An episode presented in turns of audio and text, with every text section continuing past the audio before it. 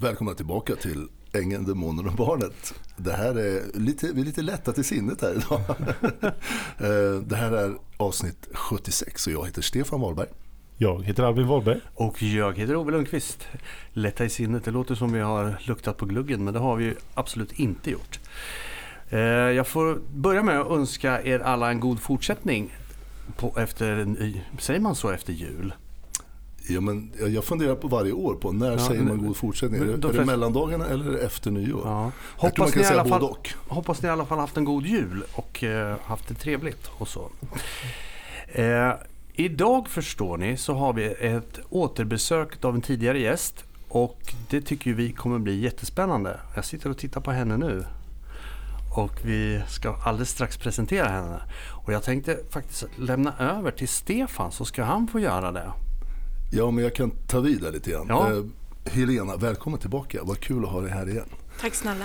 Eh, det är så här, när du var här sist så pratade vi ju massa strategier och sådär. Och eh, det vi har pratat om lite innan den här podden det är ju att eh, du har ju faktiskt lite egen erfarenhet. Hyfsat aktuell också mm. av just det här. Trots då kan man tycka då eh, det, det där blir intressant att du har liksom erfarenhet av, dels är du utbildad terapeut eller vad är du utbildad till? Vad heter jag är det? utbildad alkohol och drogterapeut men Just specialiserad på personlighetsstörningar. Just det. och Bra, du har ju, ja, vilken tur vi har idag. och så har du ju jobbat med, man kan säga den här typen av klienter kan man säga. Mm. Och sen har du ju, vad ska man kalla det, halkat in, det gör man väl inte, man tar väl ett medvetet beslut, men du har haft en erfarenhet med en relation med en med en narcissist Precis. kan man väl säga. Ja, och där får du gärna ta, vi berätta lite om det. För det, är ju, jag, det jag funderar på, det vi har pratat lite om, det är ju den här kombinationen. Trots att man vet hur de här är, du har träffat sådana personer så, här, så ändå så halkar man in. Vilket man kan göra. Därför att det är så jävla lurigt. Jag om någon här vet ju också hur lurigt det är. Och hur lätt det är att halka in i den här trappen som vi har pratat om, den här 20-stegstrappen. Och sen så jag sitter man där, vad är det som händer? Hur, berätta lite hur det börjar för dig. Ja, det här var, och då vill jag säga att det som på något sätt blir viktigt för mig det är just det här, alltså som du själv säger. Jag sitter här, jag är rätt så hyfsat utbildad, jag har jobbat med det. Man tycker liksom att det här borde jag kunna se. Och ändå så hamnar jag i en relation med en narcissistisk man. Jag kan bara lägga in där, alltså vi, vi tycker ju alla andra tre att du är en, du är en jävligt vettig människa. Vi kan mm. prata om allting, du har sunda och ni som har lyssnat på dig i våra tidigare avsnitt, om det är 35 eller var det någonstans där. Ja men jag tror det. Ja någonstans där. Så, eh, har ju hört att du är väldigt klok och så på, på jättemånga sätt. Så därför så är det intressant ändå att höra hur det hur kommer det här sig? hur blev det så här? Ja, hur det så här? Nej, men jag tänker också så här, därför att förra gången som jag var här, om jag inte minns helt fel, då pratade jag mycket om strategier hos en narcissist. Och jag tror också att jag sträckte mig så pass långt och säga att när man ska avbryta det här så är det pang, mm. då stänger man dörren. Och det och, gjorde du? Det gjorde inte jag. Utan jag har gjort på mitt sätt, men med hjälp självklart. Men jag tänker att vi kan ju titta på hur det här har gått till, hur det har utvecklat sig, hur jag har tänkt under vägen och vad som har hänt. För så pass mycket har jag jobbat med mig själv så att det tror jag att jag jag tänker så här, det du kommer berätta nu, det tror jag att de flesta kommer kunna applicera på sig själva. För det är ju det som blir situationen för de flesta. Ja, men jag tänker det med, och det kan hända precis vem som helst. Och vi vet inte riktigt när det sker. Nej. I vilket fall som helst då så är det så här att eh, 2020 så dyker det upp en man och han dyker upp på en eh, eh vad heter det, dejtingsida mm. kan man väl mm. säga. Jag ser den här bilden och jag tänker ja, inte så mycket mer på det. Och sen så går det några dagar och så skriver den här mannen. Då är jag själv i ett sånt läge att jag har stött på lite lustiga filurer mm. innan och jag har bestämt mig för att alla män kan inte vara dumma i huvudet så därför så får man ge det en chans. Det är liksom det, är det utgångsläget jag har. Eh, jag har kontakt med den här mannen och jag har också bestämt mig för att jag tänker fan inte sitta och skriva, oj får man svära? Ja, då. ja. man får svära precis Jag tänker inte sitta och ha oändlig kontakt och skriverier och sen är det en rövhatt Nej. på andra sidan. Så jag ringer upp den här mannen ganska så snabbt och frågar vad han gör och han säger att oj vad förvånad jag blir att du ringer. Jag sitter och dricker vin. och det kan folk göra tänker jag så jag ser inget konstigt med det här. Vi har lite mer kontakt och sen till slut så bestämmer vi oss för att träffas. Och på något sätt av någon anledning så blir det så att han ska åka hem till mig. Och när han har kommit hem till mig på kvällen så ska vi grilla. Och han har fått för sig att han ska bräcka och göra Sveriges godaste potatissallad. Eh, men så blir det stök med det här så att när han ska komma så menar han på att det har hänt något med hans bankomatkort. Så han kan inte komma när vi har bestämt. Däremot så kan, vi, kan han komma den 27. Om inte jag är helt ute och cyklar nu så a-kassan betalas ut den 27. Kan det finnas, kan, kan det finnas ett samband? Ja. I vilket fall som helst, han dyker upp. Jag åker ner till tågstationen och jag ska ta, hämta honom och här går meningarna lite isär. Därför att den här mannen tycker då efteråt att jag är det vackraste han har sett, mina ögon strålar, han kommer ihåg vad jag har på mig och jag är bara the shit. Mm. I mitt fall så är det så att när jag ser den här människan komma rusande och jag ser honom i backspegeln så tänker jag, nej men vad i helvete är det här? Så hade det inte varit så jag vet inte hur det var.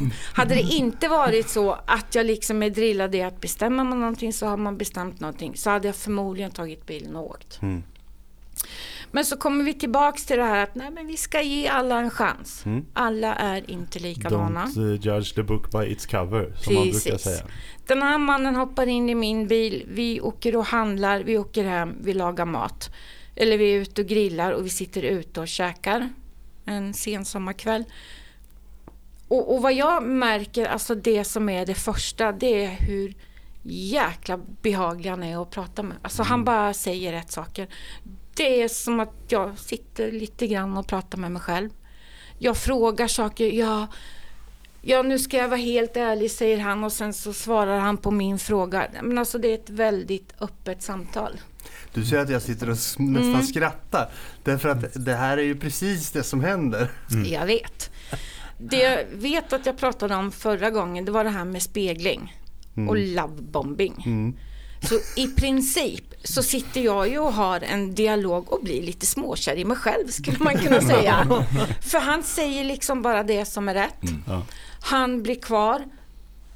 Dagen efter, jag för mig att vi åker till ett eh, gammalt militärmuseum, eller flygvapenmuseet, går och tittar. Och det är liksom bara, ja, nej men det är bara så behagligt. Mm. Det han hela tiden upprepar, som jag inte tänker på då, men som har kommit på sen, det är att du är en sån där, du behöver en riktig man. Oops. Eh, ja. ja, alltså det ser jag direkt att du fixar inte några mesproppar utan det, här, det är riktiga män du ska ha. Och jag är liksom så här, ja. jag tycker väl inte att det låter helt fel att få en riktig man. Jag vet att min mamma efter några dagar säger, men herregud ska ni inte åka hem? Jag vet inte. så han är kvar, jag kommer inte ihåg om det är fyra eller fem dagar. Och jag börjar bli lite så här, fast alltså, behöver inte du jobba? Nej, nej, nej, men jag har tid att ta ut. Alltså, vad säger de om du inte kommer till jobbet? Nej, men jag har mejlat till dem. Grejen är bara det att jag har inte sett honom mejla. Mm. För han har ingen dator med sig och han har inte lånat någon dator ifrån mig. I vilket fall som helst, den här mannen åker hem, kommer ganska så snart tillbaka och så här håller det på. Det tar inte jättelång tid för mig att bli superförälskad i den här mannen, för att det blir jag. Han säger riktigt. alla rätt saker. Ja. Han säger alla rätt saker, även om jag också sitter och säger att jag har blivit lite kär i mig själv. men det är sånt man inser först ja. efteråt. Ja, ja, precis. Nej men alltså, jag blir superförälskad. Det enda som jag märker det är liksom att när han åker tillbaka till sin hemstad, då blir det skit. Mm. Och det händer en massa saker. På vilket sätt? Är det bara konstigt så eller? Nej men alltså det blir märkligt. Jag hör liksom ut med samtalen hur han laddar igång mer och mer. Eh, det blir mer och mer som jag upplever det lögner. Jag får inte ihop Nej. det jag får till mig. Jag har suttit i telefonen. Den här mannen har stått i en krog där och sagt oj, kolla pumorna. Oj. Eh, ja, oj. Eh, han har ringt vid något tillfälle och då kan han inte prata klart och han kan inte tala om vad han gör för hans telefon är avlyssnad. Jättemycket konstigt men jag bara tycker att nej men shit, här är han. Mm. Och, och, då kan man ju... viktigt så telefonen avlyssnas. Ja, men precis och då kan man ju tänka sig att här Helena skulle du liksom ha, det här är inte rätt. Och det gör jag också. Så att när det här har hållit på ett tag så pratar vi på telefon och jag säger att jag tror faktiskt inte att det här kommer funka. Det är någonting i det här, alltså det är inte rätt. Det stämmer inte. Hur långt in i förhållandet ungefär? Några månader eller halvår? Säg två månader in. Okej, okay, så pass snart. Och, och, när jag liksom ska säga det här, för jag är väldigt så här, jag ska säga det artigt och sen ska ingen bli ledsen och då blir jag själv lite ledsen. Och då kommer jag ihåg att han säger till mig, äh, vad fan, sluta pip. Och då gör jag det. Då slutar jag pipa och sen mm. så rullar det här på. Det går ett halvår till. Det här blir bara, eller det går ett halvår totalt ska jag säga och det blir bara värre och värre. Jag antar att den här lovebombing-fasen är över utan nu börjar det liksom komma in en massa annat. Jag blir jämförd med hans ex. Mm. Han visar mig hur något av hans ex har gjort med sina glasögon och samtidigt så har han gjort något läte. Och jag talar om att fast alltså, jag är inte hon, jag är jag. Mm. Jag tycker fortfarande inte att det här är konstigt. Eh, och sen händer det någonting som gör att jag, jag ringer upp hans föräldrar. Och det slutar med att jag, jag ber om ursäkt att jag ringer men alltså jag måste kolla eran son. Är han utredd dum i huvudet eller är det något annat fel på honom? Mm. Och då vet jag hans mamma säger nej men säger hon har han inte sagt det här med alkoholen? Och jag bara, eh, va? Ja men han är alkoholist, han, han har lite problem med att han dricker för mycket. Eh, nej. Men, men hur är det med hans jobb? Nej, men han har inget jobb. Han stämplar och sen så jobbar han ju lite timmar. Eh, nej men alltså det blir så som man bara, jaha. I den här stunden mm. så kan jag efteråt se att här förvandlas jag till Florence Nightingale. Du, du, du, För nu är jag ute och mitt mission det är att få den här mannen att bli nykter. Av någon konstig anledning. Och det som händer i det här är att eh, han flyttar in till mig. Han kommer hem och så säger han att nu har jag skaffat jobb i Linköping och då ska han bo hos mig. Det första han gör, de är med här idag, han går in i min lägenhet och han börjar liksom städa undan hundarna. Mm.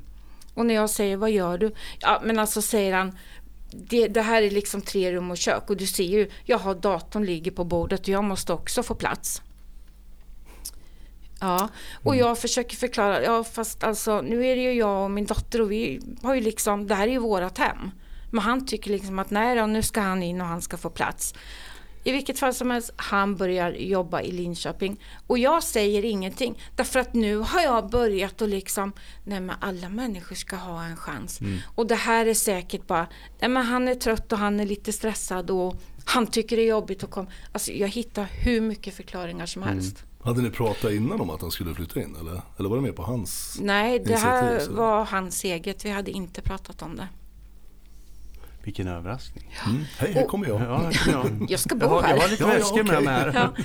Nej, och, och, det är liksom, och, när det här händer, alltså när det sker, då har han liksom kommit så långt i att bearbeta mig så att jag hittar inte felen på honom. Jag hittar dem hos mig själv. Mm. Och jag blir liksom så här, han har nakenbilder i sin dator. Det är massa nakna ex och porrbilder mm, i datorn. Mm. Eh, han är med i så mycket olika datingappar så han kommer inte ens ihåg. Fortfarande här när han bor? När han, bor, när han okay. flyttar in. Eh, så han kommer Trevligt. liksom inte ihåg lösenord. Han kan inte ta bort kontona för han kommer inte ihåg lösenorden. Och jag bara blir så här, jag har så mycket minns jag som jag vill ta upp. Men så tänker jag, nej, nej men första dagen på jobbet, han är säkert trött. Ja.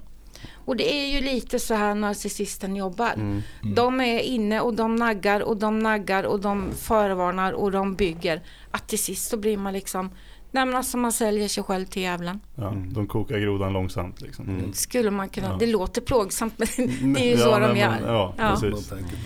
Eh, det här rullar på och det som har gjort mm. absolut mest ont hos mig det är att i det här har jag min 17-åriga dotter. Den här mannen han åker ut och in. Ibland så åker han hem till sig. Jag hör att han super till. Jag talar om för honom att nu kan du dra åt helvete. Du får mm. inte komma tillbaks. Och sen är det tyst två eller tre dagar. Och sen så kommer det något sms och då är jag där och svarar. Vilket jag sa förra gången att man inte ska göra. Eh, och sen så tror jag att jag pratade om att om man stänger av, om man liksom tar tillbaka dem så blir det värre. Prata inte om det. Därför att jo, då är man inte mm. den här starka personen längre mm. utan då ses man som svag. Mm. Och då kan man liksom fortsätta. Och vad som blir i det här det är att den här mannen han går in och totalt mm. tar över hemmet. Han tar med sig saker som han får via jobbet. Han stashar allting ner i källaren där han också dricker sina öl. Eh, och vi tycker liksom, eller min dotter och jag tycker att det här funkar. Några gånger som sagt när han inte får komma tillbaka så säger jag till min dotter, äh, men nu var han full igen. Och så kommer han tillbaka Därför att det kommer inte hända igen och nu har jag kontroll på det här och det var bara därför att. Vilket gör att jag går till min dotter och säger, nej men nu kommer det inte hända igen. Det vore god för honom, ja. inför din dotter. För det, det, jag funderar på, liksom, det här är ju en bit in nu i förhållandet. Och du, lite Florence Nightingale syndromet som du pratade om. har det fortsatt över tid här oh, nu? Ja. För att jag tycker det oh, känns som att det är väldigt, väldigt vanligt. För jag kan ju, jag vet personer som gör, har gjort och gör på samma sätt. Att man ska då rädda den här personen. Mm. För man går in i att man eh, tror att det finns någonting fint att plocka fram ur den här. För det har ju funnits där från början. Men det är ju egentligen bara ett spel för gallerierna. För det här i början, det som pratade om att man speglar sig själv och man får ju egentligen bara se sina egna egenskaper. Mm. Så. Men så tror man att ja, men det finns något fint där som vi kan plocka fram. Mm. Och det är ju det här som jag hela tiden har varit och dragit i för att försöka få tillbaks. Mm. Det här som var från början. Alltså jag har varit så förälskad i den här mannen att jag tror att jag till och med har sagt att det här är mitt livs kärlek. Och då har han utsett mig för, för hot. Han har försökt att pressa mig på pengar. Han har kallat mig för hora. Mm. Han har kallat mig för superhora, luder. När jag har varit ute och jobbat så har han helt coolt bara talat om att eh, jag ligger runt på hotell. Mm. Det är det jag är ute och gör. Jag säger bara att jag jobbar. Han har kommit hem på fyllan. Han har skrämt skiten ur min dotter. Jag har ringt polisen och försökt att få hjälp två gånger när han har stått framför mig med armarna i kors och sen hånlätt. Mm. Eh, var det inte något med någon lås där också? Någon historia han stal min nyckel så hyresvärden och sen så gick han ner till stationen och så åkte han hem till sig. Då hade han stulit min nyckel och han hade stulit mitt pass. Mm -hmm. Vilket innebar att hyresvärden fick komma och sätta ett tillfälligt lås. Och så säger de till mig att det skulle vara bra om du kan få tag på nyckeln för att det kommer bli dyrt att byta lås. Då har han ringt till min hyresvärd för att kolla upp vad jag skulle få betala om jag skulle... Alltså det är sån snurr. Oj. Det är sån snurr. Alltså eh. de är eh. så beräknande de här personerna. Eh, och de har ju... De har alltid en agenda. Mm. Och även om du tycker att Nej, men det här känner jag igen och nu händer det här igen. Så är du ändå det. Och det är ju det som gör att människor blir så satans sjuka i de här relationerna. Mm. Alltså det, det, finns, det finns människor som dör. Alltså de tar livet av sig mm. för de orkar inte mer. Mm. Det som händer med det här sen det är att eh, jag skickar ut den här mannen. Jag får hjälp av, och då har han pressat mig på pengar så att jag är tvungen att ta hjälp av mina föräldrar. Mm. Och då säger de så här, för min mamma har sagt redan från början när han flyttar in, alltså Helena han blåser dig. Och jag bara nej det gör han inte. Jo, han blåser mm. dig. Och det som har blivit av det här är att jag har betalat hyran, jag har betalat nej alltså hemmets utgifter och han har köpt mat för 3000 som han i princip också har ätit upp. Så att ja, mm. han har blåst mig. Men sen har han väl gett dig saker med som han då självklart ska ha igen värdet för? Han har gett mig saker och de sakerna ska han sen på sikt efteråt ha tillbaks och det har han fått. Eh, det är några saker som jag faktiskt inte har släppt ifrån mig för jag tänker att nej, nej. det här behåller jag. Det som blir av det här i alla fall är att han åker ut, mina föräldrar hjälper mig, vi packar alla hans saker i ett släp och vi, det är som ett sånt där gisslanbyte nästan. Jag ska ha mina nycklar så får ni hans grej. Nej men lite grann så, men så blir det. Så vi lämnar det här och han, hos hans föräldrar. Och, jag, och då får du din nyckel? Då får jag min nyckel och jag får mitt pass. Och jag minns hur obehagligt jag har liksom... Nej men du vet jag har legat vaken på nätterna, man har lyssnat. Man har liksom, vad händer?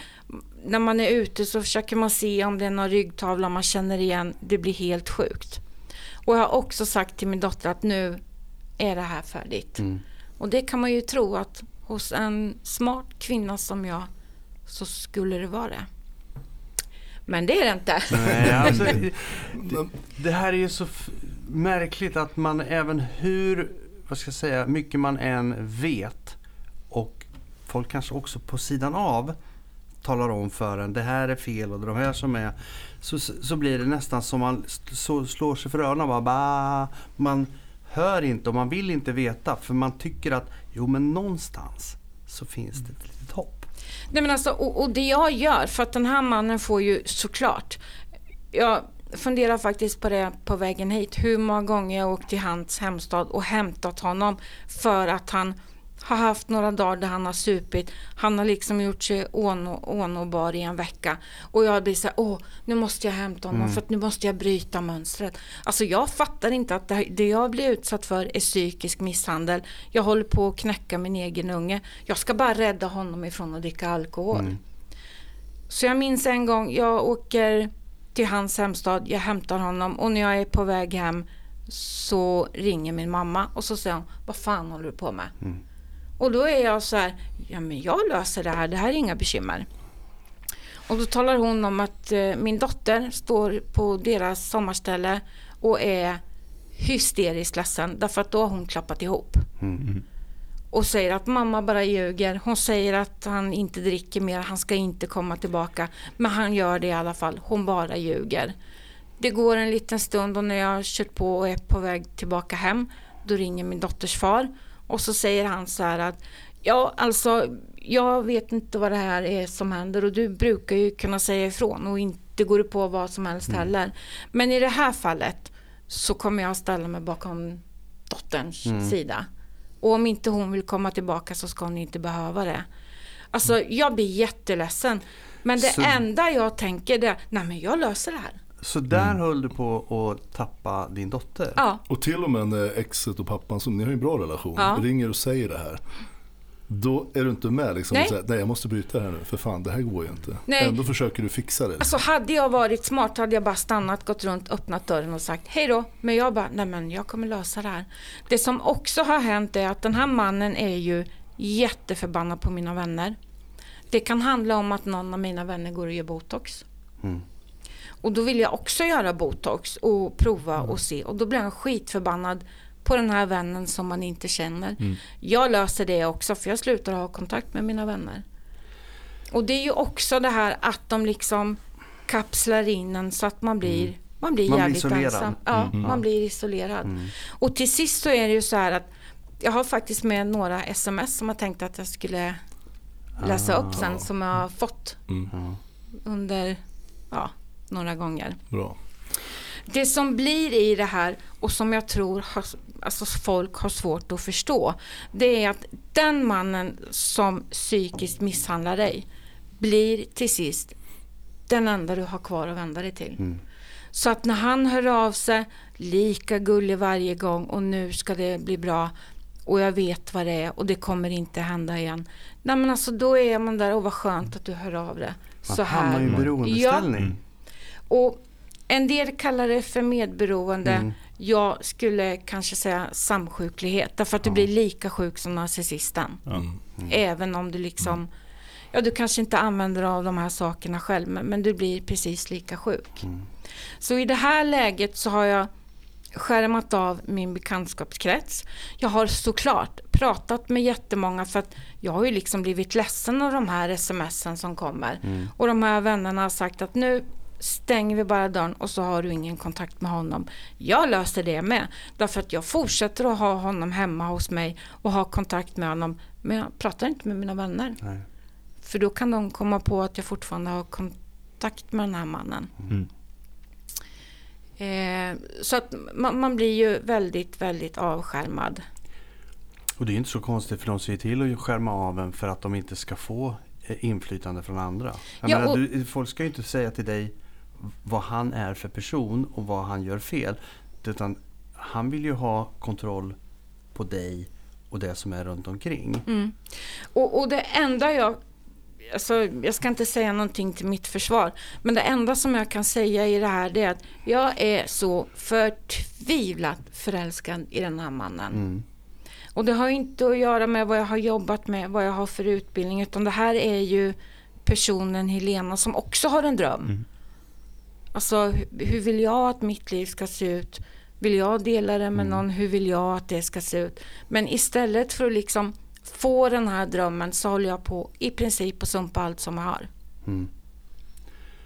Ja, det är fruktansvärt. Alltså det, det är ju det. Ja, men alltså, man, väldigt, eh, det blir väldigt eh, konkret och väldigt direkt när du berättar mm. så här. Och det är inte så länge sedan heller. Jag tänker så här, det här har pågått i sen, vad sa du, 2020? Sen 2020. Så... 2020. Det här du berättar nu, de här skedena lite grann i början och sen hur det rätt så snabbt liksom började vingla men du ändå nästan ännu mer håller i. Mm. Hur har det sett ut fram till idag? När, har du kommit till någon sån här punkt någonstans där du har tagit ett beslut som du kunnat hålla dig till? Mm. För jag förstår som det är så att du bestämmer dig för att nu är det slut och sen så går det ett tag, han ringer och då kör, blir det liksom en sväng till. Eller hur, hur har det sett ut? De här, du har ju du förlöpit några år. Förlöpit alltså, några år. Det som händer är att den här mannen får till sist eh, 2022 tror jag. Så får han hjälp så han kommer in på behandling. Mm. Jag tror att det är 22. Det är ju det här, åren går ju så ja. fort.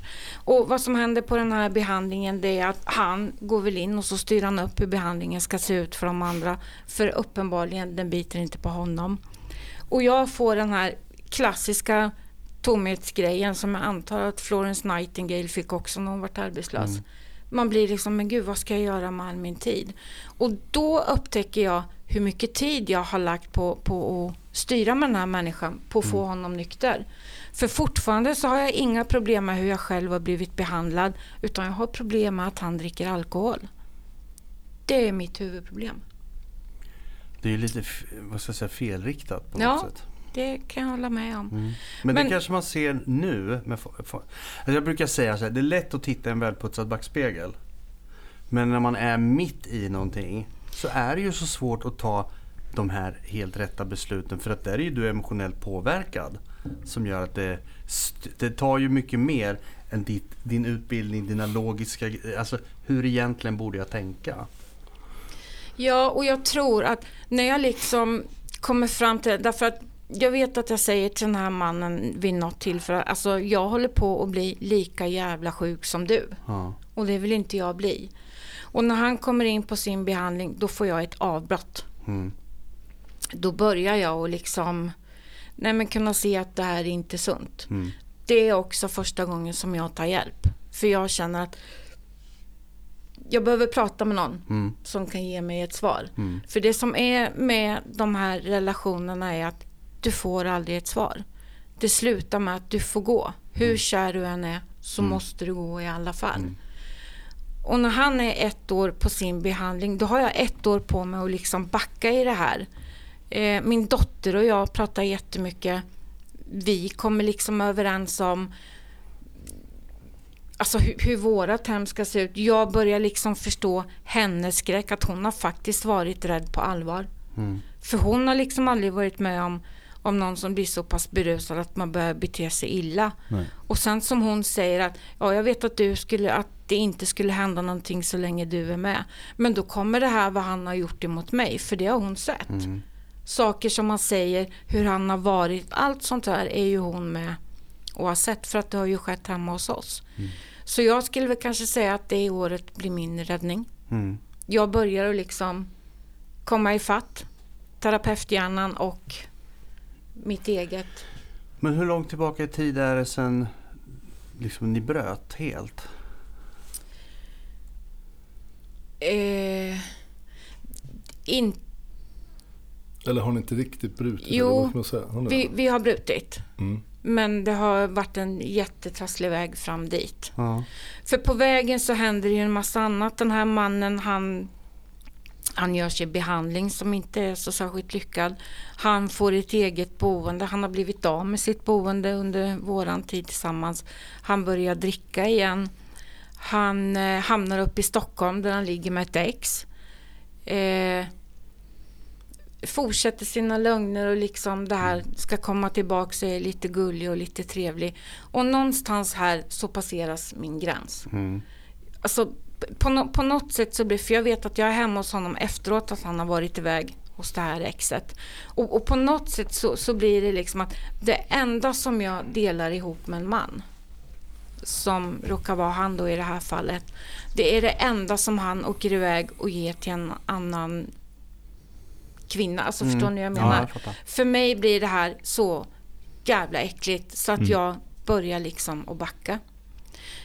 Jag har samtal, jag eh, tar kontakt med en kvinna som bara jobbar med, eller bara ska men hon jobbar mycket med de som har varit utsatta för narcissister därför att hon har själv varit utsatt.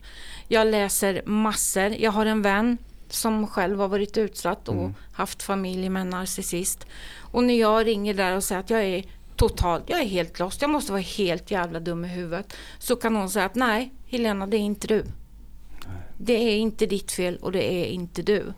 Och det här hjälper massor, för nöta, nöta, nöta, tugga, tugga, tugga. Det är det enda som funkar. Men är inte det lite symptomatiskt att man eh, som utsatt för en narcissist tar på sig allt ansvar? Det tror jag på sätt och vis så kan det vara. Därför att det blir ju liksom, du har en som är lite mer än lovligt galen och så har du en som ska hålla ihop vardagen och se till att det är en fungerande familj. Och det mm. blev väl i det här fallet ja. För jag tänker på det här när man pratar om det här gaslightning-symptomen. Mm. När, eh, när man blir gaslightad och då tror att ja, men det är mitt fel, det är jag som är dum i huvudet, det är inte han eller hon. Och det har jag stått framför honom och trott så många gånger. Dels det här som jag sa, det här vill jag ta upp, men jag väntar med det. Han har ont i kroppen, det här vill jag ta upp, nej men jag väntar med det också, han ser trött ut. Ja, Beror det nej, på att man inte vill dra igång någonting? Eller eh, vad är det som gör att man väntar? Att ta upp det? Vad, vad, hur tänkte du? Alltså, I mitt fall så var det så att jag ville inte dra igång någonting och fortfarande så är jag liksom inte medveten om vad han gör mot mig. Nej. Jag är kvar på han dricker alkohol och han dricker för mycket. Mm. Och det här ska jag fixa. En fråga, det här året ungefär som han var inne och fick behandling. Mm. Eh, för du sa att där fick du chans att liksom hämta in allt som hade hänt och försöka reflektera på, hämta in alltihopa, hela processerna. Men då liksom blir det ju, tänker jag mig, tänkte du att men, nu kanske han blir nykter, nu kanske det blir den människan, personen som jag, som jag tycker om, som jag träffade från början, att han ska, liksom det ska ordna sig. För, för, får man inte upp ett hopp då? För han, där var han väl nykter? Ja, en, en där, där var han nykter och där får man ju upp ett hopp. Och där så börjar jag och liksom, fast det här kommer inte gå. För, förstod du det ändå? Liksom? Jag förstod det då, men jag är inte där så att jag liksom kan säga nej tack nu är det bra. Utan jag tänker bara, nej men alltså jag kommer lösa det här. Det som har blivit av det här är att min dotter vägrar vara hemma om den här mannen sätter sin fot i våran lägenhet. Mm. Jag löser det med. Jag träffar honom när min dotter inte är hemma. Men så börjar det bli så här, han tycker liksom att vi i min familj ser honom som paria. Och, och någonstans om man ska vara ärlig så, ja, det gör vi. Mm. Med mm. tanke på vad du har gjort mot mig, mot barnbarnet och hur du liksom har betett dig i det stora hela. En person med lite samvete skulle kunna ha förståelse för att Nej, det skulle bli så när man har ställt till med det som han ja, har ställt men precis, till med. En, en, person som funkar hyfsat normalt ja. hade ju liksom förstått att nej men alltså det här är jag och här har jag lite att liksom öva på för att det ska mm. funka. Precis. Men alltså jag, det här kommer lösa sig. Tills jag kommer på att nej men alltså vad fan Helena, du har ingen lösning på det här. Nej. Hur ska du lösa det här? Och, och, då blir det ju lite så att nej, det kommer inte funka. Och ju mer skulle jag säga, ju mer saker man kommer på, desto mer kan du släppa ditt monster. För mm. det är ju, är ju lite det du har framför dig. Ja. Ju mer saker du gör i hemlighet som ingen vet, desto mer samvete får du själv. Mm. Och det här tror jag, i mitt fall i alla fall, så har det här varit en hjälp. Eh, jag har skaffat på mig nya intressen. Den ena går runt på fyra ben. Ja. Mm. Det har varit min räddning skulle jag säga. Mm. För att jag har kommit ifrån, jag får vara jag och jag utvecklar och gör någonting för min egen skull och som jag själv vill göra. Mm.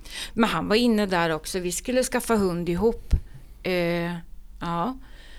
Och sen så blev det liksom, jag skulle, vi skulle skaffa hund ihop, jag skulle få jobba med den eftersom att det var det jag ville. Och någonstans inne i mig här bakom så är det någon som bara, nej, gör det inte. Men hade du sagt till honom att du ville ha hund så att han fick så, liksom en, någonting att hänga upp sig på? Oh ja, jag ja. har sagt att jag vill ha hund och då kom förslaget om att skaffa hund. Jag eh, från början talade jag om att jag hade någonstans sagt en gräns. Jag skulle vara gift när jag blev 50. Mm. Idag har jag passerat 50 så du brukar säga okej okay, jag blev inte gift, jag kanske får bli förlovad. Ja. Så den här mannen har alltså till och med velat förlova sig. Han har dragit upp, han har visat ringar och sen så har det liksom fallerat på att ja, jag måste gå in, jag måste gå in till en uh, till en guldsmed och se hur stor ring jag ska ha. Alltså konstiga fingrar och de är så snygga. Och vi har gått förbi en guldsmed och jag har sagt så här, men ska du inte gå in och ja. kolla nu då? Nej, nej, jag orkar inte. Nej, nej, det är varmt, jag vill bara gå ut. Tills det kommer fram att nej, men han vill ju inte förlova sig. Det är bara snack. Ja. Alltså mm. det här ni vet, det här vet jag att hon vill. Så att det mm. här... För det är det här jag tänker, för en narcissist är duktiga på, de har ju antennerna ute hela tiden och stämmer av lite. Okej, okay, jag hör det här. Det här måste jag spinna vidare på. För det handlar ju om att hela tiden med luften och bygga förtroende och alltihopa mm, för att ja, nästla in en. Framtiden som ja. inte finns. Därför att han har ju inte menat någonting med det här. Och någon gång så kan han, åh, nej men börja inte nu, du vet att utan dig så är jag noll och ingenting. Och jag tänker bara, ja nej men precis, mm. det är så det är. Mm. Därför att vad jag också ger, när jag står ut med, med den här behandlingen och all skit som har varit, det jag också gör är att jag jag gör ju som fan mm. det han behöver vara för att vara en fungerande människa. Mm. Så jag minns, jag eh, hittade en klänning någon gång. Jag tyckte den där var, den var lite för dyr men jag tyckte den var så fin. Så jag tar en sån printscreen jag tror ja. när man tar på mobilen. Och så skickar den på sms och bara kolla den här. Och då ringer han upp och så säger den var ju jättefin men alltså jag tänker, ja vad tänker du? Men alltså med din kropp. Och jag bara, Va? Va? Säger du att jag är tjock? Nej, nej, men alltså jag tänker bara det kanske skulle finnas något annat som passar bättre på din kropp. Och jag bara blir så här, men skit i näven ditt as. Den där klänningen, den hänger hemma i min garderob. Kan jag säga. Så trots allting som har varit så har jag ändå liksom haft någonting sunt i mig som jag inte har vågat släppa fram mm. först nu. Ja. Och det är när jag själv känner att nu är det borta. Jag måste fråga en sak när vi, när vi ändå är här. Så här. För, för, nu när du har kommit hit där du är idag och du tänker tillbaka. Känner du någon skam över dig själv av det du har gått igenom att du inte såg det tidigare? För jag tänker, det är kanske är fler som känner samma känsla. Ja, ja, det gör jag. Ja, jag kan tänka mig det själv. Jag skulle nog ha eh, i alla fall ifrågasatt mig själv och min förmåga att eh, vad ska jag säga, se situationen. Jag kan utveckla mm. frågan. Jag har ju varit med om ja. liknande på något, något vänster i alla fall. Och jag kände ett tag, kände i början, när det liksom började gå upp för mig hur i helvete lurad jag blivit. Då kunde jag snudda på något som är skamligt och man känner sig, fan jag har ju liksom, det här är ju inte den, tycker jag tar anständiga beslut och sådär. Mm. Men, men här har man ju inte gjort det. Mm. Men sen när jag har liksom fått klart för mig vad det handlar om. Alltså man, man blir ju på ett sätt spelad av en mm. jävligt skicklig människa. Eh, då liksom blir det mer, okej, okay, bra, då har jag lärt mig det här på något sätt. Jag kan mer, då, då, då, då, är inte skam det ordet man tänker på. Kan, kan du uppleva det så också när man väl kommer i fatt? Att man bara, okej, okay, eh, jag har missbedömt helt enkelt den här mannen. Och det har andra gjort också och det kommer andra att göra. Och sådana här personer som han missbedömer man. Och man, man hamnar mer eller mindre in i deras värld en stund tills man upptäcker vad det är. Då får man kliva av. Liksom. det finns ju en grej till på det här med skam. Det är ju det här, man har ju sina föräldrar och morföräldrar eller vad det kan vara. Man har eh, släktingar, vänner runt omkring som har levt i den här situationen. Och alla har påpekat, men vad håller du på med? Ser du inte det här? Och man säger som du säger, nej men det löser jag. Mm. Men sen när det går upp för en, fan de hade ju rätt i alla fall. Det är då som jag tänker att den här, vad blir känslan av det? det, det men alltså, på något sätt så... Alltså i, i början när det här, när jag liksom började göra någonting åt min egen situation, då, då var det skamfyllt. Mm. Men jag tror inte att det var min skam utan då var det mer den skammen som han liksom har öst på mig. Mm. Ja men jag hade ju en stroke för några år sedan och då har det varit mycket så här, ja fast alltså, ja du vet ju jag har ju också, jag är ju svagare i min hand och jag tänker, du har ju en hand som inte funkar alls. Det är liksom mm. bygga in så här, nej, nej vem ska vilja ha en kvinna som bara har en hand liksom. Nej. Så det, det, är nog kanske mer den skammen ja. som jag mm. har känt det som har varit den stora grejen som jag har fått jobba jättemycket med det är hur jävla förbannad jag varit på mig själv. Mm. Som har gjort det här. Inte bara för min egen skull. Jag tycker ju själv att jag har kastat bort tre år. Mm. Och jag har liksom, jag har bara bränt dem rätt upp och ner. Jag har utsatt mitt barn för det här vilket är fruktansvärt. Med liksom med facit efteråt. Eh, jag är arg. Alltså, hur mycket lögner är det som jag inte har kommit på? Som jag liksom fortfarande inte vet om det är... Vad är sant? Vad är lögn? Vad, mm. Alltså, den här jävla röran. Alltså, jag kan vara jättearg på mig själv. Och att jag inte har brutit innan. Mm. Du känner dig ganska lurad kan man säga. Jag känner mig jättelurad. Mm. Tro mig, jag förstår. Jag, precis, skulle ja, säga precis med samma ord. Nej, nej, men alltså, verkligen om mina så, barn också. Hur man nej, men har... så blir man nästan så här, men, men alltså ditt satans yngel, varför har du liksom bara stått mm, kvar? Mm, mm. Som en pingpongboll fram och tillbaks. Och det, det, är liksom, jag tänker själv om jag idag skulle träffa en man som eh, ljuger så pass mycket, jag ringer polisen två gånger, han eh, går in på mitt konto på Tradera och lägger ett bud på någon datagrej för över 3000 skickar mig ett sms där det står betala ditt as och jag bara, nej men det här måste jag lösa. Mm. Jag liksom har liksom bara sprungit och fixat och löst. Mm. Idag skulle jag aldrig ta det ifrån någon. Nej. Men jag har gjort det och jag gjorde det då. Men det här är ju en ganska dyr lärdom att gå igenom. Ja. Här, inte bara ek ekonomiskt utan det är ju psykiskt. Man blir ju, det är ju psykisk misshandel. Mm. I, i, liksom när man tittar på det totalt. Det som har räddat mig, eller räddat, men det som har varit en fördel för mig mitt i allt det, det är att vi har inte haft någonting gemensamt. Nej. Vi har inga barn gemensamt, Nej, vi har inte haft något boende. Får ja. ja, tack. tack så mycket. Jag, vet, jag lovar. Det finns liksom inga... Ja, jag har säkert förlorat på det här ekonomiskt men jag, liksom, jag sitter ju inte idag och har ingenting. Nej. Utan när jag stänger dörren då stänger jag dörren runt mig själv och mitt mm. eget trygga hem så att säga. Mm. Och där kommer ingen in. Och det tänker jag är en liten fördel. Jag tänker på de som sitter som i din situation mm. men de har också gemensamma barn. Det gör ju det att du får ytterligare ett problem därför att du, du vill då fixa för barnets skull också. Och du ska lösa och man sätter sig i en ganska svår situation. Mm. Och svår att ta, ta sig ur också. Ja, och, och, jag har faktiskt haft kontakt med jättemånga som har varit med om samma sak. Som sitter och har barn. Mm. Eller har ett gemensamt boende eller har köpt en villa tillsammans mm. eller vad det nu kan vara. Och de går ju igenom hell för att mm. komma ur det här. Så det, det kom jag nog på ganska så snabbt att det var en fördel att jag bara kunde stänga när jag väl stängde. Med andra ord så hade du ganska lätt för det. Alltså nu ska man inte ta det här lätt för lätt. Men om man jämför med sådana som har barn och mm. hus och alltihopa. Har man ingenting, det är lättare att stänga dörren för det finns inget, vad ska jag säga, man har inget annat som bryggar ihop en. Mm. och, och, någonstans så tänker jag att även om jag själv har varit helt inne i det här, jag har liksom följt skoldagboken, jag har varit utsatt för den här psykiska misshandeln, men jag har liksom min utbildning att gå tillbaka på.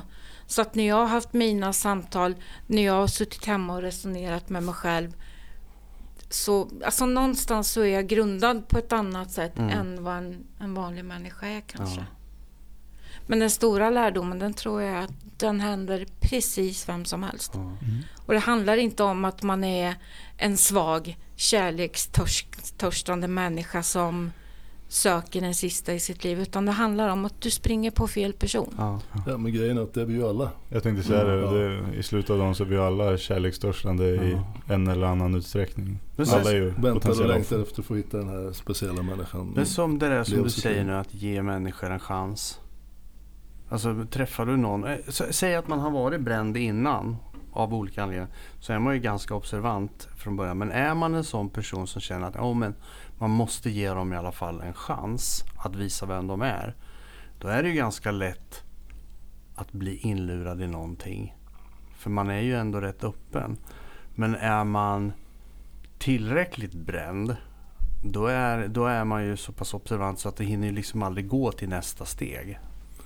Förhoppningsvis. Du kanske, du kanske pratar om, jag har ju sett det här som att eh, och när man väl börjar inse det och acceptera det så, så känns det, då kan man ta ett, ett steg ytterligare. Det är att jag behövde nog det här. För jag har, varit, jag har levt lite naivt låter ju negativt, men att jag har litat lite för mycket på människor. Jag tycker det är rätt mm. fint att kunna lita på människor, det gör jag fortfarande. Men, men eh, jag, man kan inte lita på människor hur som helst. Så man måste lära sig det här, kanske, vissa i alla fall måste göra det, den hårda vägen. Kan mm. du se det så också? Du hade ett snäpp kvar. Alltså att det blir, men allt man är med om kan man ju tolka och försöka förstå. Hur fan ska jag liksom ta mig ur det när man har tagit sig ur det? Kanske man har blivit lite starkare. Man känner att man är mer förberedd för saker, man har med i ryggsäcken. Och då blir det någon slags mening med det också. Mm. Så att de här tre åren som du säger nu är bortkastade. Men de kanske inte är det helt och hållet. Även fast det har varit tufft och det har fått konsekvenser som du får leva med resten av livet. Till exempel, du nämner din dotter här. Och jag har ju mina barn, jag förklarar för alla, för er barn med. Jag har ett ok på mina mm. axlar som jag kommer att bära resten av livet. Och det kommer göra mig lite tyngre. Mm. Jag kan ju skoja om att det är därför jag tränar. Men det går inte liksom att träna bort det, mm. den, det ok. Utan det kommer jag få bära med mig. Därför att det är, en, det är någonting, jag kan inte ta tillbaka de åren. Som, som jag levde med Eva då här och mm. tog jag till. Kan du känna likadant? Att du liksom är, att du är du är inte tacksam sådär, åh jag är så tacksam, kan man, kanske man inte kan säga det, typ. men lite grann ändå att du i ditt sätt att förhålla dig till andra människor, du jobb, har jobbat med det du har gjort och hur du, men du pratar ju ibland om det här för att hjälpa människor med. Du kanske, ja men nu sitter du här i podden och pratar. Och det kanske, det hade du inte gjort om du inte, inte så här i alla fall om Nej. du inte hade träffat honom. Och det här kommer att hjälpa andra som lyssnar, jag är helt övertygad mm. om det. Därför att just att du, eh, Helena, har gjort det här trots, eller vad man ska säga, trots din, din liksom historia och din utbildning och det du har jobbat med innan. Det, är ju, det visar ju bara precis vad vi pratar om, det du har sagt. Vem som helst, tro inte att ni är immuna. Vi har lite besökare här också i studion. Det är någon som vill komma upp här. Det är en liten toypudel på två kilo. Ja, du får komma upp här så. Eh, väldigt gulliga hundar, tre stycken de är. Det är svårt att koncentrera sig. Men, men jag tänker, tror du att jag vet inte, ser inte livet ut så? Har du hål i ditt sätt att leva så också så fattar du det och rättar till det och gör du inte det så kommer livet liksom göra sig påmint att mm. du, nej okej, okay, du har inte förstått det här riktigt. Kan du se något sån, någon sån mening i det eller hur man ska uttrycka sig? Eh, nej, nej, nej, jag är inte, kanske sen men mm. inte nu. Nej. Just nu så är jag nog fortfarande och liksom naggar i det här som, alltså jag har ju också haft sorger i mitt liv. Ja. Mm. Jag vet när min, eh, jag hade en hund som var 13 år, jag hade haft den i precis 13 år också. Eh, som blir sjuk. Hon får en tumör på sin strupe.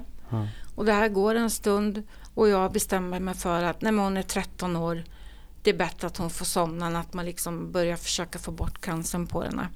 Det här slutar med att en, morgon, eller en förmiddag så får hon andnöd.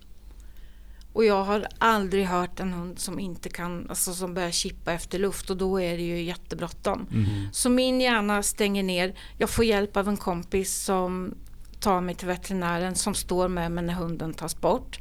Sen ska jag ringa till den här mannen. Och som sagt, jag är ledsen. Jag vill ha någon att prata med och jag vill berätta vad som hänt. Och han kan inte ta det här. Nej, Nej nu, oj, nu. Och jag hör att det blinkar för han sitter och kör på jobbet.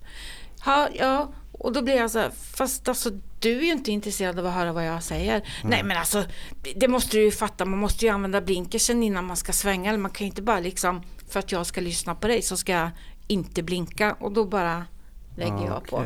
Sen får inte jag tag på honom mer på tre dagar. Efterkonstruktionen på det här blev, jag blev lika ledsen som du. Lillan som den här hunden kallades. När hon dog, åh, jag hamnade i sån sorg. Men då är jag där så att jag liksom, nej det gjorde det nej. faktiskt inte. Sen har vi en till. En, eh, det är inte så länge sedan det hände. Nej, nej. det är inte så länge mm. sedan. Sen har jag också ganska nyligen min brorsdotter avlider, åtta år gammal. Oj. Och eh, såklart blir man helt förstörd. Men då kan inte han prata för han står på Biltema och äter en korv. Nej. Och det här är mm. liksom sista gången som jag lägger ner och bara känner att nej fast alltså nu kommer det inte, nu gör det inte jag mer ifrån mitt håll. Och ju mer jag har liksom slutat att pusha på hans förbannade ego, desto mindre har man liksom fått tillbaks. Mm. Och det har nog hjälpt mig att liksom kunna bryta det här till mm. sist. Och att jag idag också kan säga att nej, men jag är inte kär i honom. Jag kan fortfarande säga att jag tycker synd om honom. Jag kan säga att när han är, eller när jag tror att han är som han ska vara, så kanske han är en person som jag tycker om. Mm. Men det finns liksom ingen kärlek. Sista gångerna så har jag känt att nej men jag vill inte åka dit, jag vill inte åka och hälsa på, jag vill inte ha hem honom. Alltså jag börjar själv och liksom mm. ha backat och jag vill inte längre. Så för att svara på frågan, nej jag är inte där än men jag kanske kommer mm, dit. Mm. Mm. Är... Kanske lite tidigt. Så. Jag tänkte på ja. det när du sa det där att uh, saker som händer en i livet kanske som, som man kan säga att man är tacksam fast inte att det har hänt. Jag då för tre år sedan höll på att stryka mig covid mm. som jag pratat om. Nu har det gått då lite drygt tre år efter det har hänt och vi har pratat om det här liksom utanför podden också. Att jag säger nog, trots att jag var så sjuk som jag var så är det nog det bästa som har hänt. För att det var bra för mig att styra mig i en annan riktning i livet. Men det tog en stund innan jag förstod det. Så att, eh, det tar säkert ett par år innan det kommer något gott. Det finns inget ont som har något gott med sig som man brukar säga. Och det, det finns en del i det. Så råkar man ut för skit så finns det förhoppningsvis någonting gott på andra sidan. ska jag säga. Ja, och sen så, jag tror att jag har nog kommit, eller jag är där i livet. Jag behöver inte ha en man Nej. just nu. Och jag tror inte att jag är där, där jag ska ha en man heller, utan nej men, jag har koll på min egen ekonomi, jag har koll på hur det ser ut hemma, hur man beter sig hemma, och, nej men ni vet alla de här mm. sakerna. Jag slipper att ha Alltså, de, de är ju som små basiller som, som livnär sig på andra mm. människor. Mm. Och jag har varit så slut. Mm. Jag har varit så totalt slutkörd i perioder och det har jag inte längre. Men sen är det så att du behöver bygga upp dig själv efter det här. Mm. För att kunna kanske möta en ny man. Och när det blir, ja det får väl tiden utvisa. Man måste ju vara liksom mentalt redo för det. Och sen går man ju oftast in efter en sån här grej med försiktighet. Och det kan jag känna att jag blivit jätteförsiktig. Jag lyssnar på vad de säger, hur de säger det. Och är det så att jag liksom, nej men vad är det där? Det var någon som sa, det skulle vara jättemysigt att ta en fika. Ja, fast det är klart, det förutsätter ju att båda är intresserade och vill ta en fika. Mm. Alltså, nej. Då blir det ingen fika. Ja, men jag tror de här röda flaggorna dyker upp ja. mycket fortare. Och framförallt så tror jag att man lyssnar på dem. Ja. Så att när de kommer så Ja. Lilla hunden hittade en plinga. De var plinga med. Jag, jag, jag, sitter och lyssnar på det. Det är jätteintressant. Jag känner igen självklart jätte, jättemycket. Och speciellt när det kommer från dig. Men en, en fråga som jag tänker som eh, jag har ju funderat på vad det är som har gjort att jag gick så långt i mitt förhållande med Eva. Och det, det, det är några grejer som jag tänker på. Två framförallt. Dels är att i efterhand kan jag se att hon var, och även Bill, men vi hade ju inte förhållande och vi kom inte så nära varandra på det sättet. Men Eva och jag var ju fruktansvärt nära under ett antal år. Mm. Och hon var sanslöst bra på att skapa den här bubblan. Alltså jag kunde se gränserna.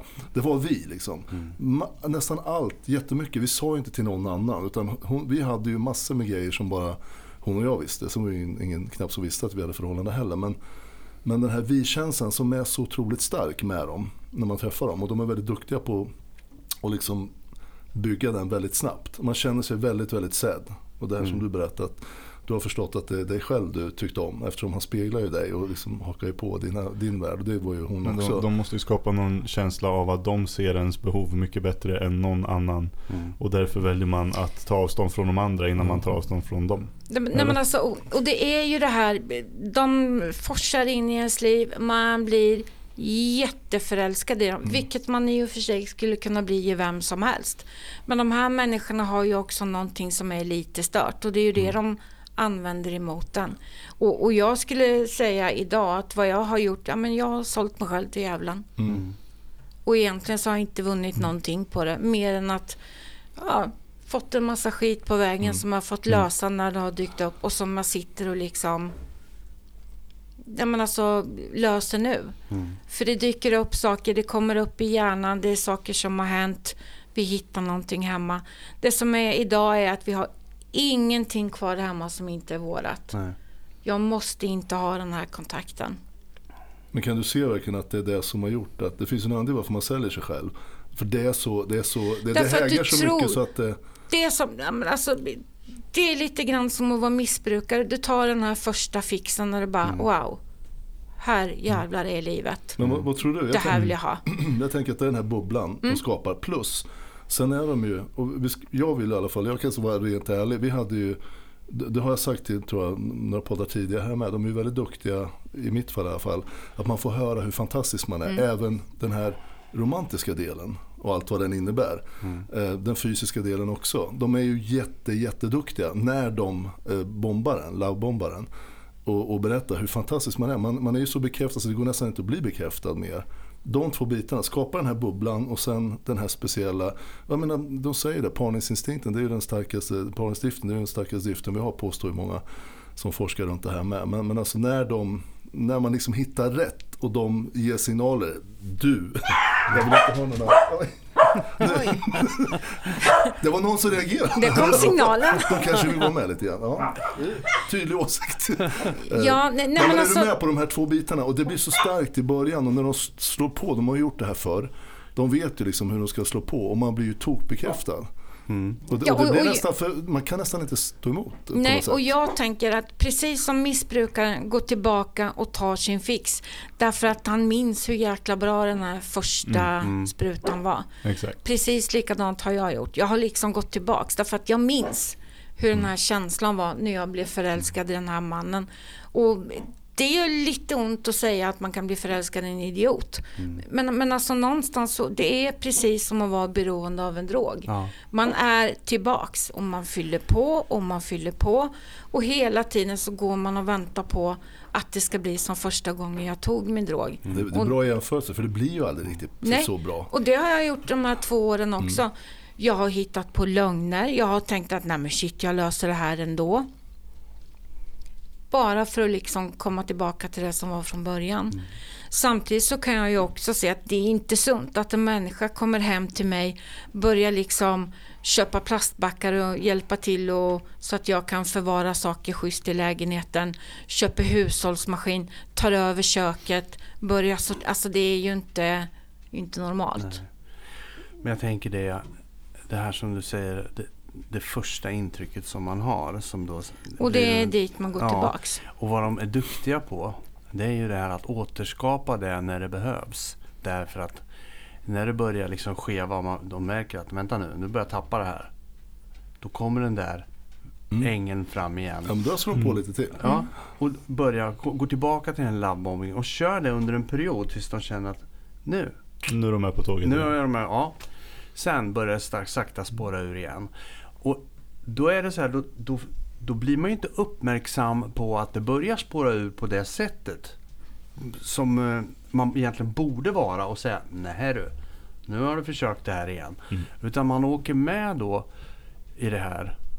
Och jag har ju sett det här på ganska nära håll. Och vi, där det inte har varit någon utgång. Utan... Nej, men jag tänker väl också att i en sund relation, där finns det en dialog. Ja. Vill du flytta hem till mig? Ska ja. vi förlova oss? Inte på riktigt då. Men, men, men, men, men alltså man pratar om det. Du och jag. Man pratar i alla fall om det. Nej men alltså man pratar om det, man gör en planering, det är lite mysigt på vägen dit. Och här blir det liksom, allting är för att liksom binda en person närmare till sig. Mm. Jag har tagit fram några sms som jag har använt själv i min behandling här faktiskt. Så därför har jag dem på bild. Bra. Och då kommer det, bara som ett exempel. Var det, var det kontroll eller kärlek? Jag vet skillnaden. Så sjukt. Det kommer inga svar utan det fortsätter. Är det här och, du eller han som skriver? Det här är sådana som jag har fått av har den här mannen. Ja. Och shit, livet råk, råkade dig med. Kul. Synd att du fegar ur. För nu vill jag verkligen göra dig illa för det du gjort. På riktigt, men bara i mina tankar. Låt det vara sammansatt om du ska anmäla mig. Inspelat.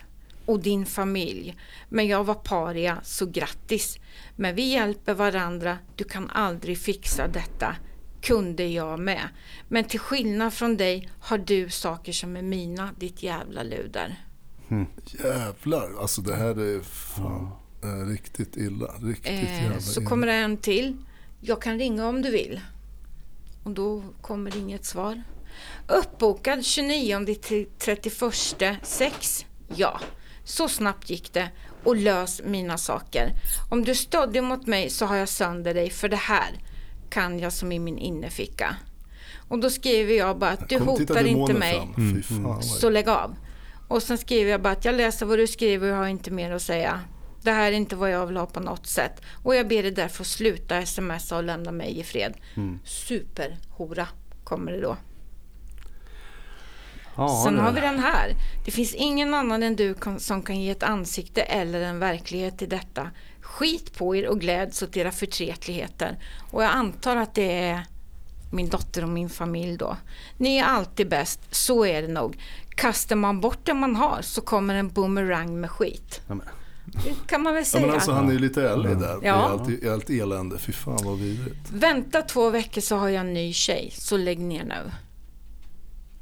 Efter det här smset, Helvete. då går jag upp till min läkare. För jag vet inte om jag sa det förra gången. Men har ju haft en stroke. Mm. Då går jag upp till eh, överläkaren på sjukhuset och så säger jag Kan man bli lite dum i huvudet efter en stroke?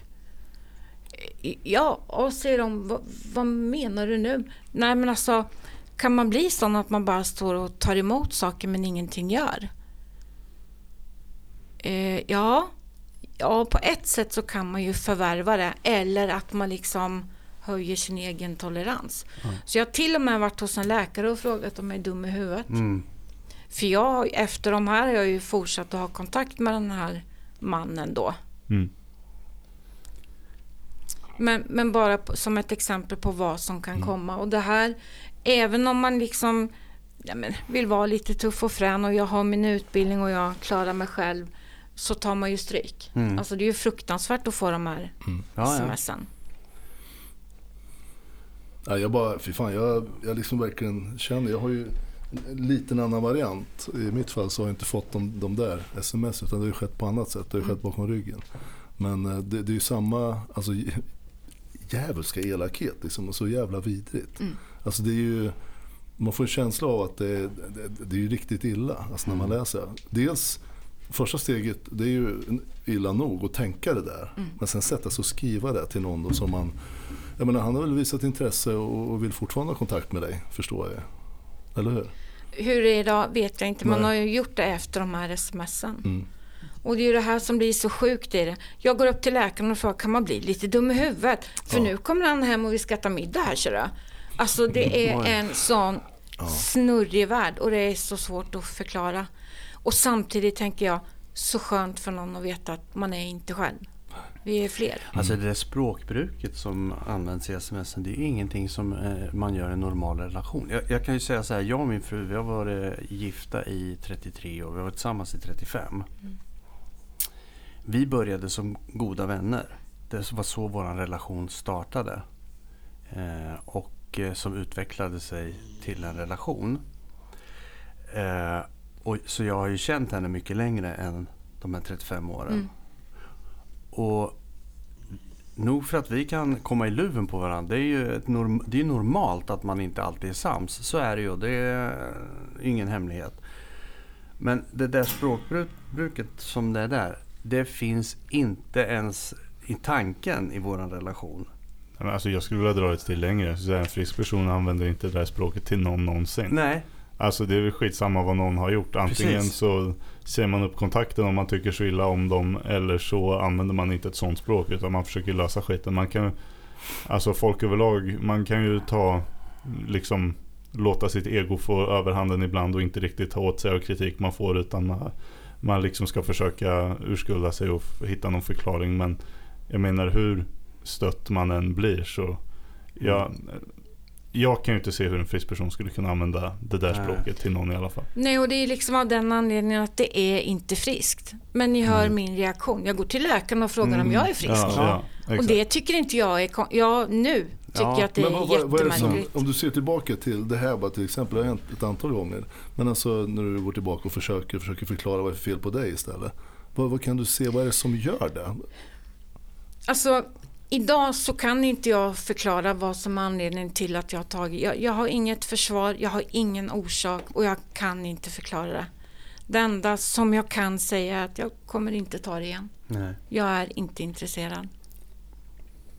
Det, det, är liksom varför jag har gjort det och hur jag har tänkt. Nej, men jag vet inte. Kan det vara så här? Kan det vara din, du kan tacka din lyckliga stjärna för att han, du kom på att han var otrogen? För i mitt fall var det så också att då, då hände det något i mig. Efter, efter den tidpunkten så, att, att, det här händer ju, de blir ju mer och mer vårdslösa. I mitt fall kanske det var så att Eva hade haft, varit mer otrogen innan. Hon hade ju andra historier med Daniel. Mm. Men i ditt fall, det kan ju varit andra gånger med. Men i det här fallet var han så vårdslös. Så att du lyckligtvis fick reda på det. Och efter det så och det är det här som händer med narcissister, eller? Ja, absolut. Därför att där kom ju min vändpunkt. Och, och det är likadant för jag är ju såklart, nej men det är klart att vi kan se om vi kan få ihop det här. Och jag vet att jag, så här, jag är inte säker på att det går. Nej. Därför att det här har liksom skadat mig. Mm. Och han är liksom, ja, jag vet att jag har skadat dig på det enda sätt som går. Och då har vi inte tagit upp smsen här. Nej. Och jag kom nog aldrig igen, utan jag var nog färdig där. Ja. Och om jag någon gång har tagit upp det, då, ja, fast Alltså, nu var ju det här 2022. Och, och ja. spelar roll om det här hände på vikingatiden där man obviously firade höstskörden så här tänker jag. Men, men, men det är ju liksom hänt har hänt och på det här sättet har det skadat mig. Ja. Och det har jag som människa rätt att, att ha. Mm. Det, det är min förbannade rätt. Mm och, och dit tror jag kanske, nu sa han något jättebra här. För jag tänker att det är dit man måste komma om man har varit utsatt för en narcissist. Man måste liksom komma upp till ytan och börja känna att Nej, men det här är min rätt som människa. Mm. Den här rätten har jag. Mm. Att säga nej till det här? Ja, eller ja. bara säga att det här vill jag inte ha. Nej, Dra åt precis. helvete. Exakt. Problemet i en sån här relation är att när du väl säger att tack för mig, nu är det här bra. Så gör du det utan att få svar. De svaren får man lirka med upp i huvudet men de ja. blir också mindre och mindre ju längre tiden går. Exakt. Ja. Jag tror aldrig man får svar heller. Nej. För, för de kan aldrig ge svaren för att de är som de är i alla fall. Och Man får nästan bara vara glad över att man har tagit sig därifrån och sen försöka så gott det går att stänga dörren helt och sluta tänka på det ta med sig det som en erfarenhet. Men när man går vidare sen. Mm.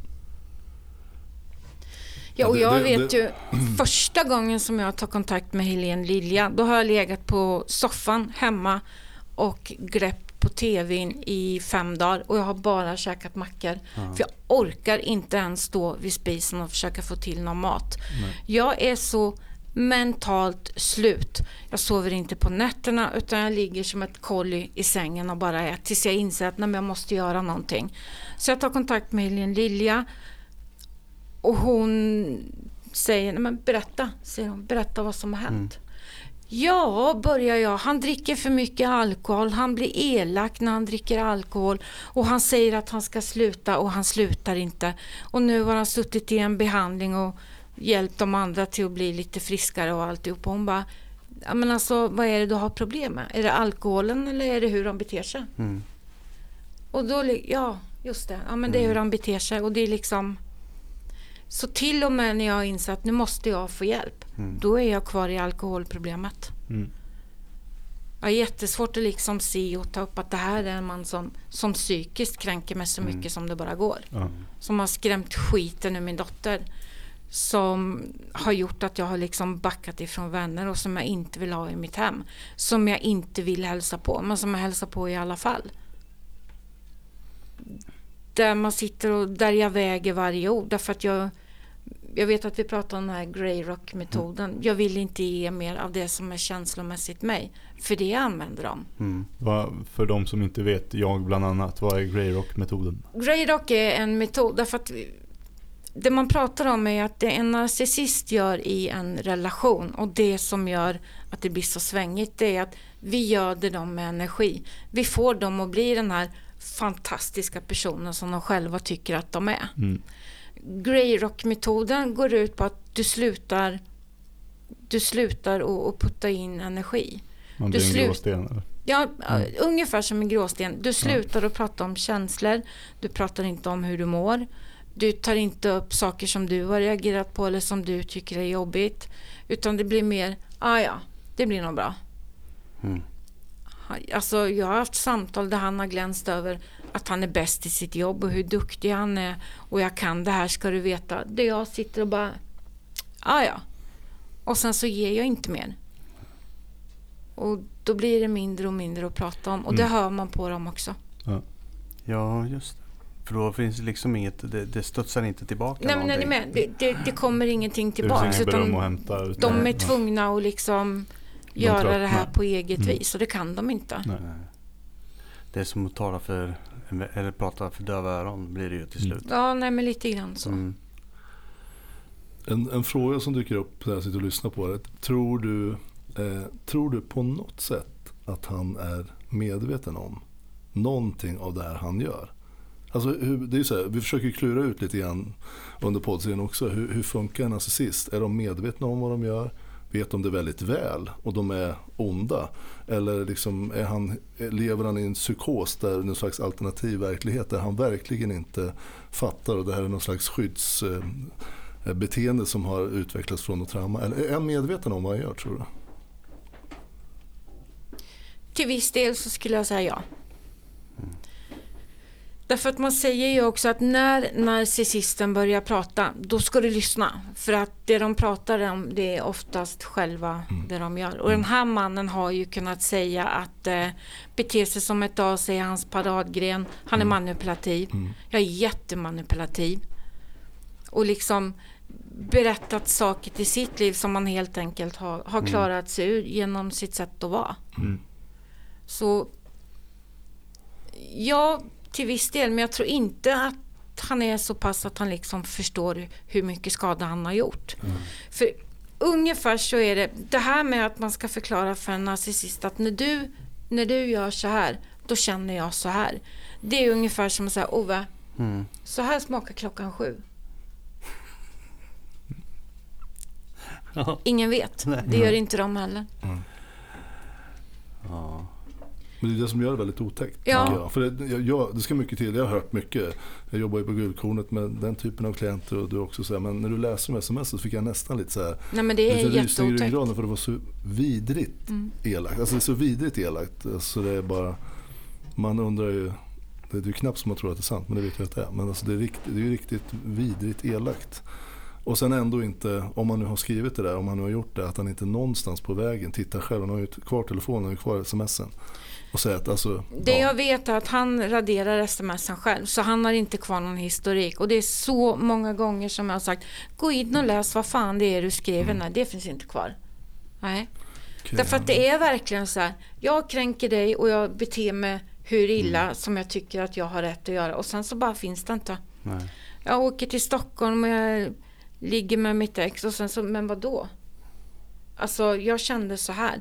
Mm. Det här är ju en människa som kan uttrycka att han behöver liksom han behöver känna sig lite sexig eller vad man ska mm. säga. Han behöver ha lite uppmärksamhet och han behöver känna att det kommer in någonstans. Och det är också klassiken. Mm. Om det inte är jag, då är det någon annan. Mm. Ja, de har ju väldigt mycket jag-fokus. Väldigt mycket. Men ska, man, ska vi wrappa upp det lite genom att säga, vart, vart, är du liksom, vart är du nu? Precis nu? Eh, jag är här. det tycker vi är trevligt. Men... Ja. Nej, men alltså, eller är det från dag till dag? Eller ungefär? Nej, Ge det är inte bild. från dag till dag. Jag är fast beslutsam att så här ska det vara. Och jag är, jag är lycklig. Ja, vad skönt. Sen hur lång tid tillbaka ungefär? Sådär? Sen, jag skulle säga lite mer än ett halvår. Mm. Jag är så tacksam över det jag har hemma. Jag kan stå hemma med någon av mina hundar som jag har badat och jag kan liksom, när jag står där i lugn och ro så kan jag liksom, nej men alltså jag kan genuint känna att jag är en lycklig person. Mm. Jag har mitt, jag är trygg i mitt hem och jag behöver liksom inte längre jag behöver inte bry mig, jag behöver inte matas, jag behöver inte fortsätta ljuga för dem runt mig. Och jag har fått en sund relation till min dotter igen. Det, det är, är skönt. underbart. Ja. Vad mer kan man önska egentligen? Mm. Hur mår din dotter idag? Eh, jag skulle säga att hon mår bra. Ja, vad skönt. Men vi har ju också gjort så att hon har ju fått prata om det här därför att hon har tagit skada.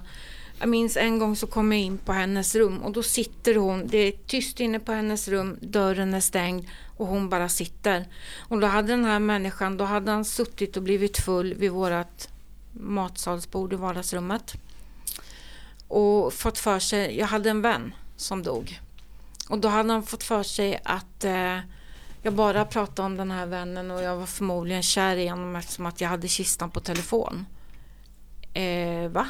Ja, vem har en, en kista på telefon? Han menar på att den var som, som omslagsbild så att man kunde se den.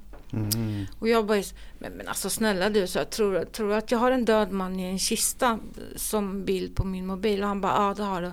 Så jag lägger fram min mobil och så säger jag bara, ta fram den. Mm. Nej, det behöver jag inte göra. Jo, så jag, ta fram den. Ja, och, du har alltså inte en bild? Nej, nej, jag har inte en bild. och har aldrig haft en bild nej, heller. Nej, nej. Och när jag kommer in till min dotter, hon sitter bara rätt upp och ner och bara, vad håller han på med?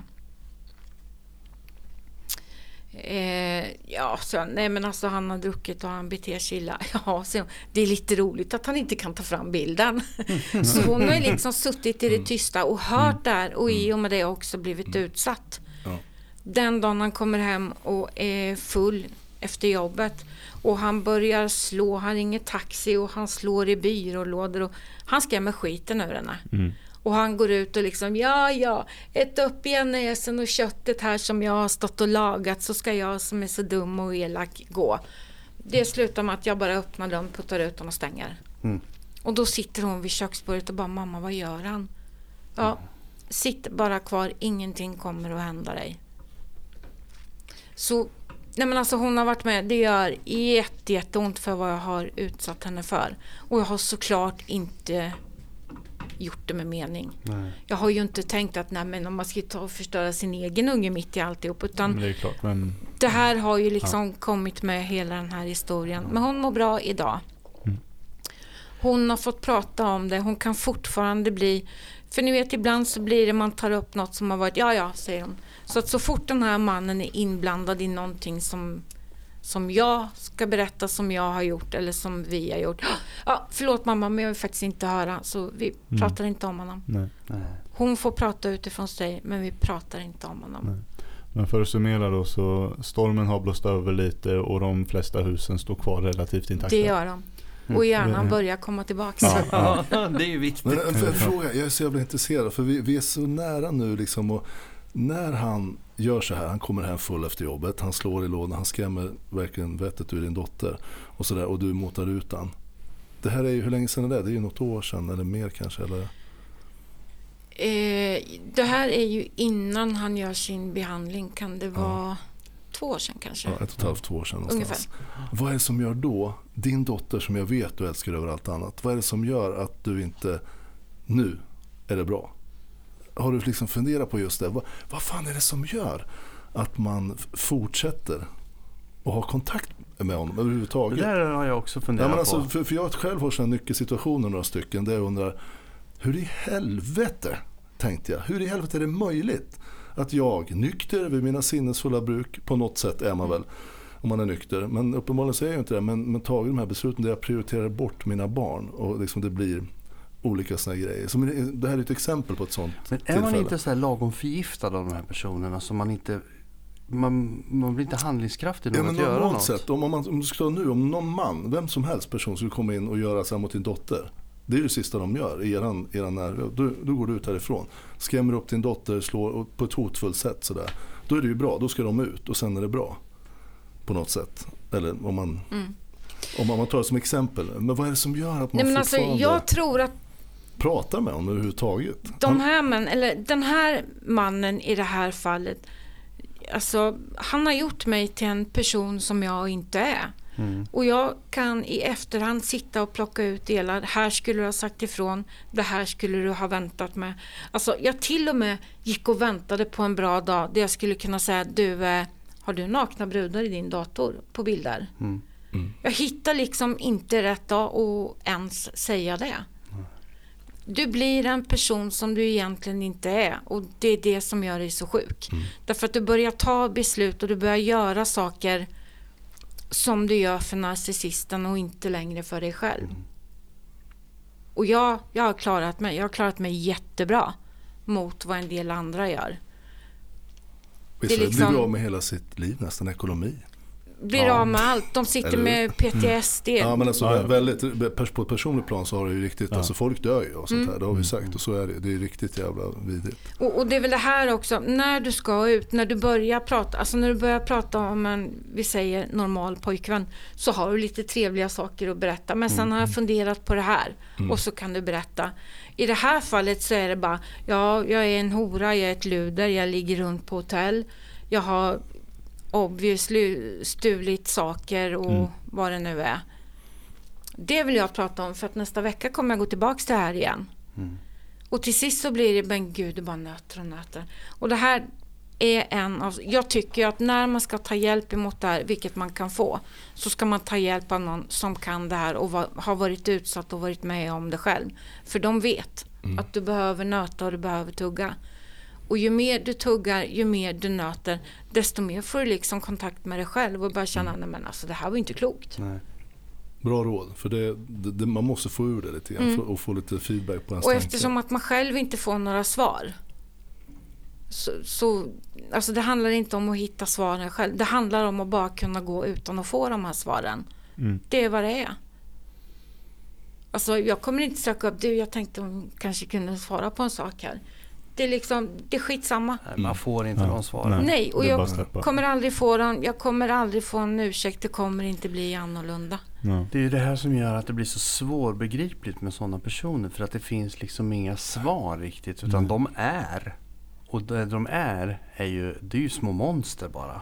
Mm. De är små parasiter ja. och de äter sig in på andra människor. De tar över deras liv för att de själva liksom ska kunna ha ett liv. Ja och, och visa fram. Ja. Amen på den. Amen. Ja, alltså den här mannen han har ju suttit i sin egen behandling och sagt att ja men den där Helena hon är ju glad i att dricka. Då var det jag som vart alkoholisten istället för han. Och då blir jag så här, men har du tagit upp att du fortfarande dricker? Nej men det vet han. Så att det, det blir liksom, det blir aldrig något djup utan de bara hittar och liksom framställer en annan som något som man inte är. Mm. Mm. Så problemet är att när du är inne i det här så är man ju sjuk själv. Mm. Och som man blir sjuk, sjuk av det. Sjuk då så kan du inte ta beslutet att steppa ut. Så vad ska man göra då om vi ska försöka summera ihop det? Jo, det kommer ju tillfällen där de tabbar sig ordentligt, där de är riktigt vidriga. Där du liksom får en liten distans. Och då ska, kan man ge dig råd att när du är där, då ska du passa på att prata med människor. Eller med någon, eller med några. Och försöka liksom bygga. För man får, det går ju lite upp och ner efter ett tag. Ett förhållande stormar ju först med de här narcissisterna. Och sen går det hela tiden upp och ner. Men just att ta det här beslutet att, att liksom ta avstånd från dem. Det klarar man inte för man är för sjuk själv. Mm. Men så kommer det någon liten öppning ibland när de gör bort sig ordentligt. Ja, till exempel om de otrogna som, mm. som fick mig att liksom bara, men vänta, vad i helvete. Det, alltså jag var ju, man är ju lojal i ett förhållande, tycker du och jag. Så är man ju liksom, och vi alla här. Mm. Eh, men de här, de har ju, alltså det, är som att, det känns nästan som att prata om, om man ska prata med dem, det är som att prata om en, en fisk och springa maraton. en fisk han simmar i vattnet, han gör inget annat. Alltså den lever ett helt annat liv. Mm. Och så är det lite med de här, de förstår inte vissa bitar. Så Nej. att prata med dem, det är inte någonting som, som funkar. För de förstår inte, de, de kan fejka och förstå. Ja, jag förstår, så här, om de vill ha någonting, om de vill ha det tillbaka, om de mm. ser att det är en chans. Men, eh, ja, men det blir ett skådespel. Ja, så du måste prata med någon annan. Och försök att förstå kanske, om man ska ge dig råd om du håller med. Det är att du kommer inte få någon hjälp av dem i något samtal med dem, narcissisten, som du har att göra med. Mm. Det är dödfött. Vad, vad det handlar om, därför att vad man bygger upp under den här tiden och, och, det som gör att det liksom fortgår, det är ju den här traumatiska bindningen som blir. Jag är nu med om något traumatiskt och den som blir kvar, nej, men det var narcissisten att gå till. Så han som gör mig illa, han blir den som tröstar mig. Han mm. blir den som säger att nej men jag finns här för dig och mm. vi kommer lösa det här och det här kommer inte hända nej, och så, vad det nu kan så vara. Så sök tröst hos någon annan. Och, sök tröst hos någon annan. Ta det inte med narcissisten du har en relation med. Vänta inte på någon lucka utan börja du själv känna att nej men alltså hur blev det här? Alltså när man står där och tänker, men alltså gud, kan det vara så att det här är jag? Är det jag som är lite dum i huvudet när jag säger någonting eller ska jag börja tänka mig för mm. vad? Nej men alltså, när man står där och börjar fundera. Man vet ju inte då att det är en narcissist utan, men har du en känsla av att vad fan är det här verkligen vettigt det här? Ta den hjälp. personen tar hjälp. Mm. För det är ju det här som är problemet, man börjar ifrågasätta sig själv. Och som du säger, man sätter sig själv och undrar, är, jag helt, är det jag som är dum i huvudet?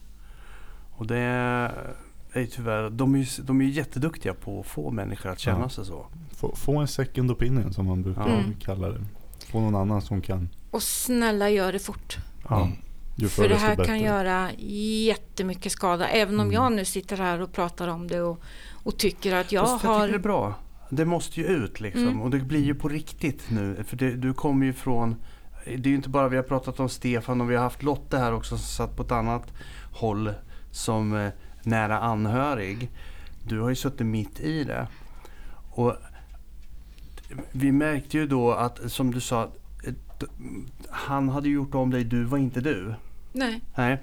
Så Lotte berättade då om Stefan då som inte var sig själv. Helt plötsligt så agerar han som om han vore helt knäpp i huvudet. Och Lotte undrar vad är det som har hänt? Fast han har ju blivit sån utav narcissisten. Och det har ju du mm. också mm. då blivit en annan person tyvärr så är, är det ju ofta så det funkar. Och jag tror att det är det jag känner när jag säger till Namman, alltså jag håller på att bli lika sjuk som du och det får inte hända för nej. jag vill inte bli det. Jag tror att jag börjar liksom känna att nej men alltså det här är inte min grej längre. Nej. Och enda, enda sättet att ta sig ur det, det är att ta hjälp. Mm. Om man sen stänger dörren för att aldrig mer öppna den eller om du stänger den, öppnar den, stänger den, öppnar den så ta din hjälp därför mm. att det kommer bli lättare med tiden. Mm. Tyckte du var en bra liknelse i början där med att det är som en drog också. Mm. Lite grann. Att har du väl fått drog. smak på det, det kommer alltid finnas ett litet sug. Mm. Det är som farfar Torbjörn här eh, sa någon gång när han slutade, han rökte ju 30 år så slutade han. Jag kommer alltid för resten av mitt liv vara sugen på att röka. Mm. Men jag tar ett beslut att nej, jag kommer inte röka mer. Punkt slut, inget snack, inget lite grann, inget feströk. Utan det är lite samma sak, man behöver ta ett beslut. Mm. Här är gränsen, nu går jag inte över den. Ungefär som när man slutar med droger, vilket är ju jättesvårt såklart. Men du måste ta ett beslut. För det är så jävla lätt att halka tillbaka. Mm. Ja, det är komplexa människor och de är mm. väldigt sjuka. Det är ju som ett litet studiebesök i en galen hjärna. Nej, men, ja, ja. Så är det. Ja, det räcker att lyssna, lyssna på smsen här. Ja, och, och, just det här när du liksom, nej men när du gör så här så känner jag så här. Och så sitter någon och bara, jag kan inte prata nu för att nu är jag ett korv på Biltema. Det är viktiga grejer. nej men alltså det är en värld som man inte kan förstå nej. när man ja, men för mig är det helt obegripligt. Ja, det, ja och det, det, kommer väl alltid förbli obegripligt. Det är väl ja. det som är hela grejen. Man kommer aldrig förstå sig på de här människorna. Eh, så eh, ta hjälp om ni känner att ni är utsatta för någon sån här. Så kommer ni fortare eh, slippa det för det är inte värt det. Man kan väl säga så här lite, det, det här med att och ta hjälp. Nu, nu håller jag på att tappa en hund där. Det här med Toypudeln gör konstiga ovisknä ja, Tricks. Nej, men det här att man eh, behöver... Eh, eh, nu ska vi se. Nu ringer det i min telefon här. Så där. Vad den som skulle vara avstängd Ove. Ja, så, nu är den avstängd. Uh, jo, nej men det här med att vänner och släktingar och vad det nu är försöker att säga saker så går det oftast över huvudet på den som lever i, ihop med en narcissist. Den som man kan ta hjälp av i sådana fall, då måste man komma till en punkt där man känner själv innerst inne att det här är någonting som är tokigt. Som det här. Har du fått sådana här typ av sms eller börjar känna någon liknelse med det Helena berättade så är det ju kanske dags att ta hjälp av någon utomstående, inte någon i familjen. För det blir alldeles för nära. Någon som är opartisk. Ja. Som kan få ett utifrån perspektiv som ja. inte har personliga känslor till vare sig dig eller personen i fråga. Mm. Mm. Då kan vi passa på att mm. tillägga det också. Vill ni, ni som lyssnar, har ni en sån här historia, något liknande som jag, som du har Helene här, så var inte rädda för att ta kontakt med oss. Nej. Och, och så kan du berätta den och vi kan återge den, eller om du vill komma och gästa oss i podden så är mm. vi absolut öppna för det. För, för det, det, kan vara väldigt skönt. Ja. Alltså, Man mig, kan hjälpa andra. Jag har ju kommit ett stort steg ifrån det genom att göra den här podden. Eh, alltså det, det bara är så. Det är mm. liksom en, en, del av det förutom att vi delar massa information med för att hjälpa någon, några runt omkring. Men alltså det, det, är verkligen skönt att få prata ut om det. Det är mm. verkligen. Ja. Nu är det en liten hund som tycker. Ska vi, ska vi rappa ihop? Ja, vi gör det. Jag tycker vi har, det här var väldigt kul, intressant och lärorikt. Verkligen, för oss alla och för er också tror jag som mm. lyssnar. Så, så, ta hand om er så hörs vi igen om en Och så vecka, måste vi önska ett riktigt gott nytt år. Ja, det från oss allihopa. Ja, ja. Ha det gott. Ta hand om Tack killarna. Hörs vi snart igen. Hej då. Hej då.